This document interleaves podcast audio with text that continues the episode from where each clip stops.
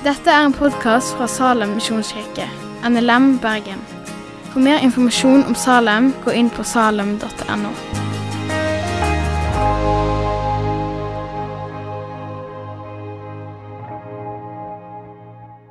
Takkesalmer kan vi se som et motstykke til en klagesalme. At i en klagesalme så eh, øser en ut sin eh, sorg og fortvilelse eller klage til Gud. Og takkesalmen kommer ofte som et svar på den. Og Av og til så ser vi at de kommer etter hverandre i Salmenes bok.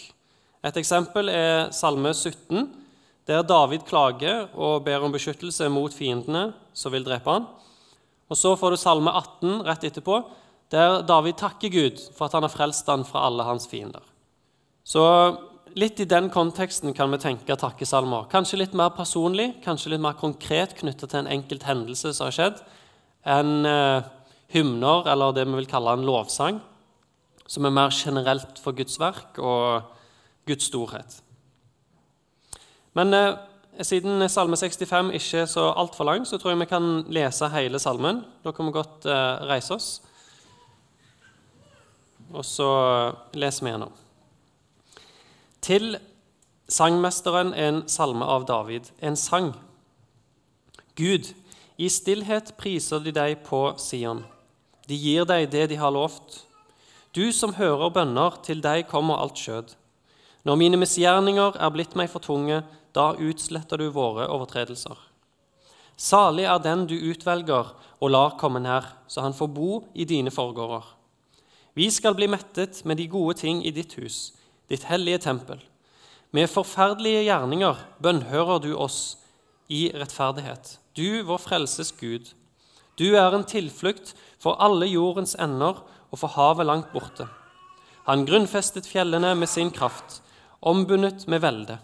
Han stiller de brusende hav, deres bølgers brus og folkenes larm. Og de som bor ved jordens ender, frykter for dine tegn.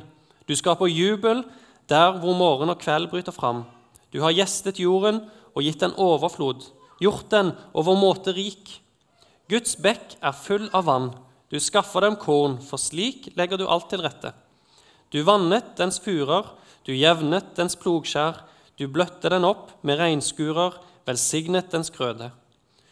Du har kronet året med din godhet, og dine fotspor drypper av overflod. Ødemarkens beiter drypper, og haugene binder om seg med jubel. Markene er kledd med sauer, og dalene er dekket med korn. Folk jubler av glede og synger. Herre Far, ditt ord er sannhet.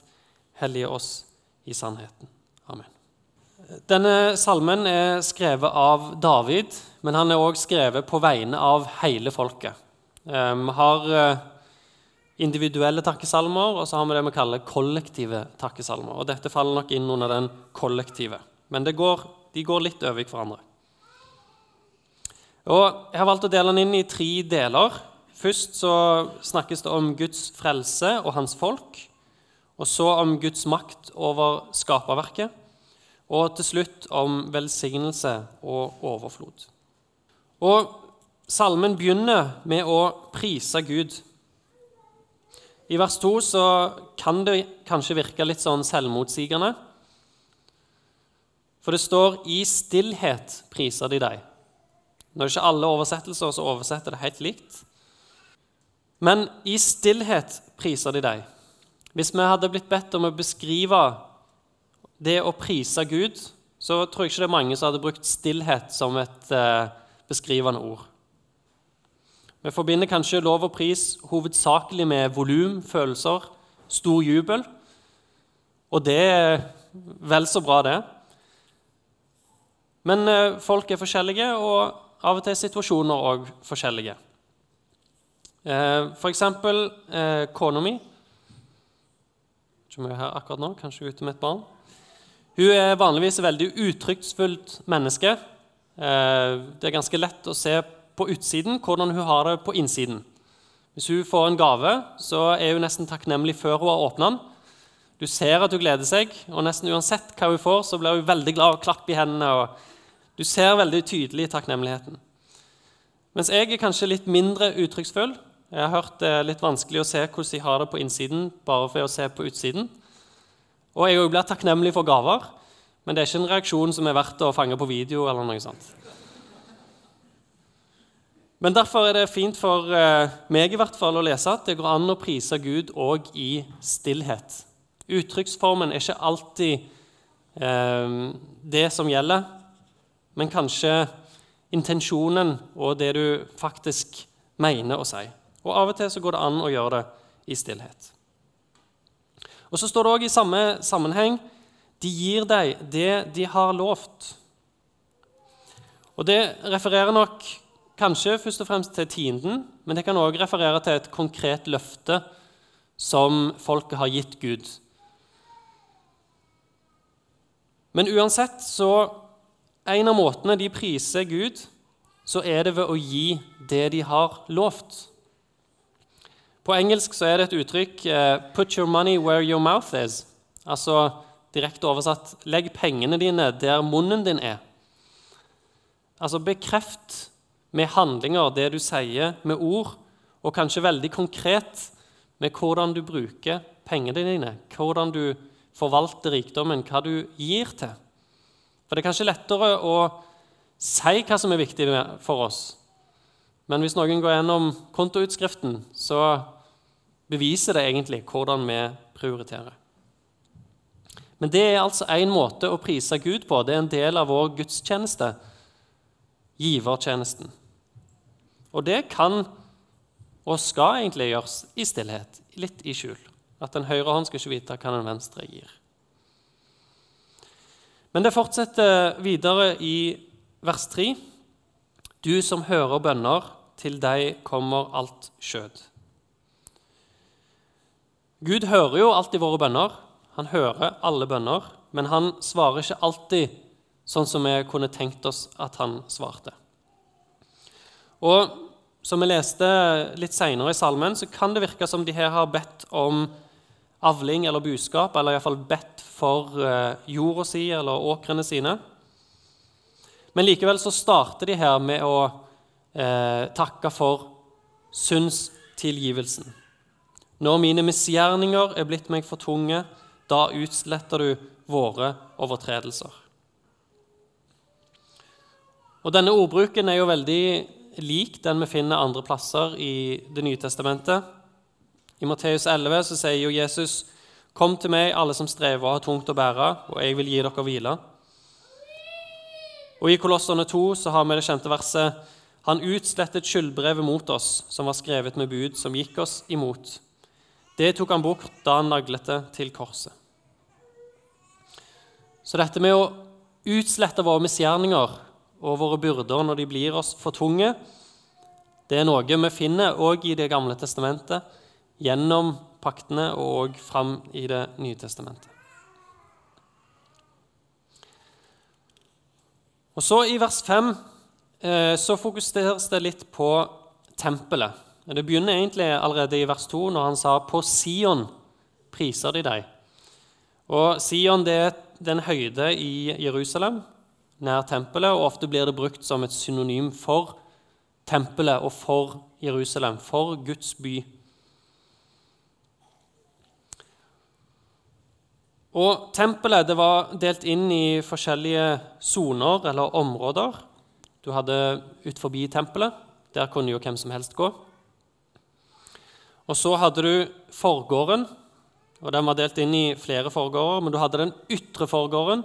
Der var alteret, og der fikk eh, de som var Guds folk, komme inn. Det var der de gjorde ofringer. Og så har du den indre forgården. Der var det prestene holdt til. Der fikk ikke hvem som helst komme inn. Og så har du lenger inn det aller helligste, der kun ypperste presten fikk komme inn én gang i året på den store forsoningsdagen. Og I vers 5 så, så brukes en del av disse uttrykkene og denne tempelspråket. For han sier Salig er den du utvelger og lar komme nær, så han bor i dine forgårder. Vi skal bli mettet med de gode ting i ditt hus, ditt hellige tempel. Og Prestene var òg de som fikk spise av det som var i tempelet. Tienden som folk ga, det kunne prestene benytte seg av. Men når vi leser om disse tingene i dag, så kan det jo virke litt sånn fremmedgjort. Tempelet er ødelagt, som Jesus profeterte. Vi har ingen forgårder vi kan bo i. Det er noen av og til som overnatter her i Salem, men det kan ikke sammenlignes i det hele tatt. Så er dette noe som gjelder oss? Kan vi få noe ut av det? Når det står 'salig' om, de, om disse folkene, kan vi regne oss som salige? Ja, faktisk så forteller den nye pakt oss at alle de som tror på Jesus, de er Guds utvalgte folk. Og det er Kristus som er det virkelige tempelet, som skulle bli ødelagt, men som skulle bli bygd opp igjen etter bare tre dager. Og det er ikke bygd av menneskehender. Det faktisk består av kroppsdeler, Jesu legeme. Og vi er en del av Jesu legeme, alle som tror på han, med han som hode. Og det stopper heller ikke der, fordi nå blir alle troende regna som et hellig presteskap. Vi har ikke lenger en eh, fordeling mellom oss hvor nærme vi kan komme Gud. Alle som tror, kan komme helt nærme, og vi har til og med adgang inn i det aller helligste gjennom troen. Og enda mer så har Den hellige ånd tatt bolig i oss. Gud som før bare bodde i det aller helligste, bor nå i oss. Så ja, vi kan absolutt regne oss som salige. Peter skriver litt om dette i eh, det første brevet sitt. Vi kan lese to utdrag derfra i kapittel 2, vers 4 og 5. Kom til ham, den levende stein som ble vraket av mennesker, men er utvalgt og dyrebar for Gud. Og bli også selv oppbygd som levende steiner til et åndelig hus, til et hellig presteskap, til å bære fram åndelige offer, slike som er Gud til behag ved Jesus Kristus. Og dette åndelige huset her er det tempelet han refererer til, men det virkelige tempelet. Og videre i vers 9 men dere er en utvalgt ett, et kongelig presteskap, et hellig folk, et folk til eiendom, for at dere skal forkynne Hans storhet. Han som ikke kalte dere fra mørket til sitt underfulle lys. Han som kalte dere fra mørket til sitt underfulle lys. Dere som før ikke var et folk, men nå er blitt Guds folk. Dere som før ikke hadde funnet miskunn, men nå har fått miskunn. Så de som før ikke hadde tilgang selv til den ytre forgården, har nå gjennom troen på Jesus tilgang helt inn i det aller helligste. Så når vi leser eh, at 'salig er den du utvelger, og la komme nær', så skal vi, hvis vi hadde lest dette som en bønn, kunne ta det til oss. For vi er et hellig presteskap for Gud. Og Vi får faktisk en forsmak på denne realiteten i salmen. For etter vers 5, der det var fokusert på eh, Guds folk som bare hadde tilgang, så går han i vers 6 og utvider det og sier du er en tilflukt for alle jordens ender og for havet langt borte. Så da begynner han veldig nærme, og så utvider han og sier nei, men Gud, du er en tilflukt for hele jorda. Og I vers 6 så får vi òg en overgang fra å snakke om Guds folk og frelsen til å fokusere på Guds makt. Med forferdelige gjerninger bønnhører du oss i rettferdighet, du vår frelses Gud. Så Guds gode gjerninger blir beskrevet som forferdelige. Fordi Guds makt er så stor at den som bare får se litt av det, kan ikke annet enn å frykte han. Og for de som tar sin tilflukt til han, så får de nettopp det, en gudsfrykt. En god gudsfrykt. Han grunnfester fjellene og stiller de brusende hav i syv og åtte. Og vi mennesker har jo begynt å få til veldig mye. Det er jo helt utrolig hvor mye vi får til. Men når du møter et veldig fjell, så kan du ikke annet enn å se på deg sjøl som liten. Og hvis du er ute på havet når det stormer og det bølger, så føler du deg veldig hjelpeløs. Og fjellene Det beste vi kan gjøre, er å bore en tunnel gjennom dem. Vi har ingen makt over fjellene. Og havet, hvis det virkelig slår til, så kan det jevne hele byer med i bakken. Men Gud han er den som grunnfester fjellene, og han er den som stiller havet. Men så var det jo ett menneske som har vist denne samme makten. Jesus snakker om tro som kan flytte fjell. Og han stiller stormen, og vinden adlyder han. Så Jesus viser gjennom sin makt hvem han er. Videre i vers 9.: De som bor ved jordens ender, frykter for dine tegn. Du skaper jubel der hvor morgen og kveld bryter fram. Så Her ser vi igjen en forsmak på Guds frykt blant de som bor langt vekke. De som ikke nødvendigvis var i tempelet, de skal òg en dag frykte Gud.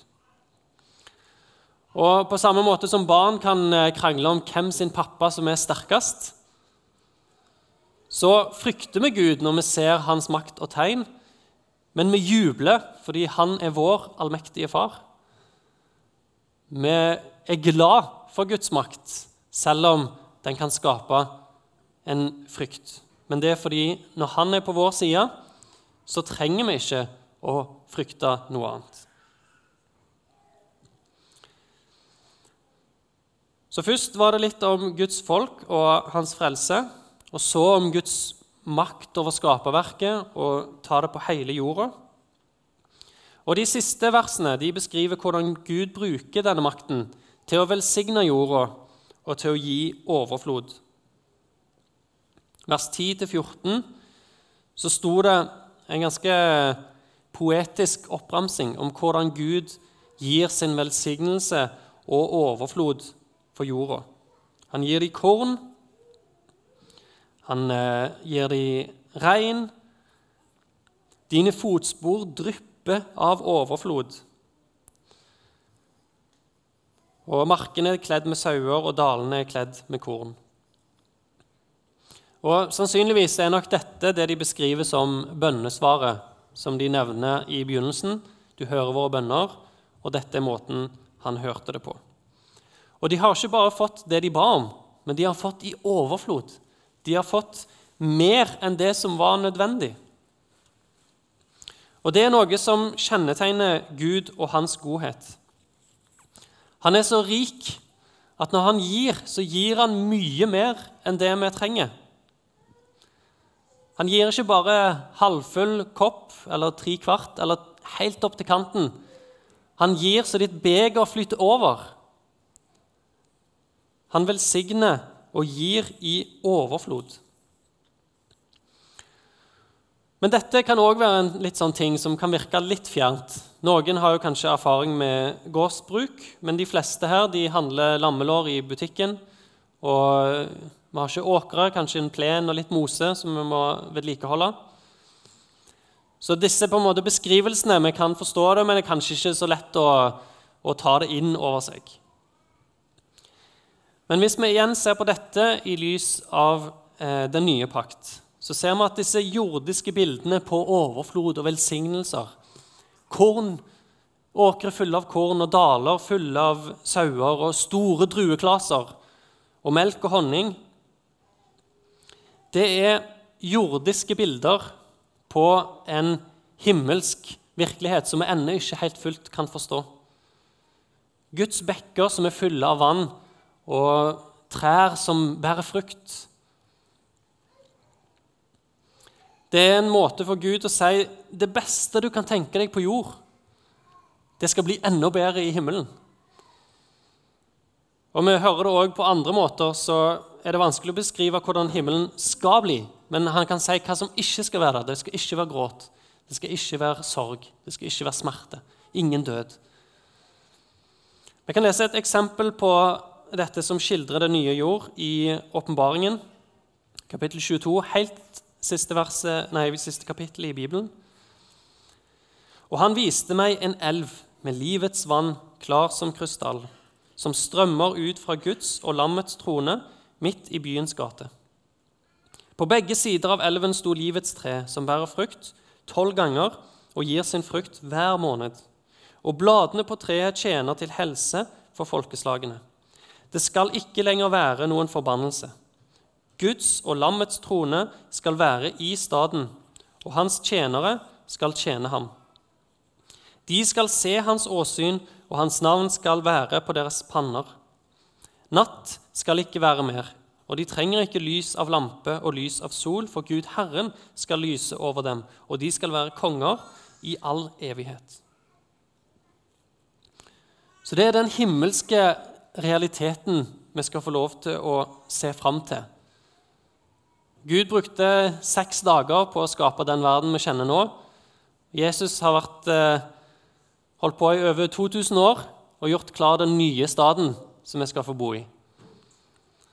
Og Beskrivelsene kan vi ikke helt forstå, men det er noe vi kan se fram til.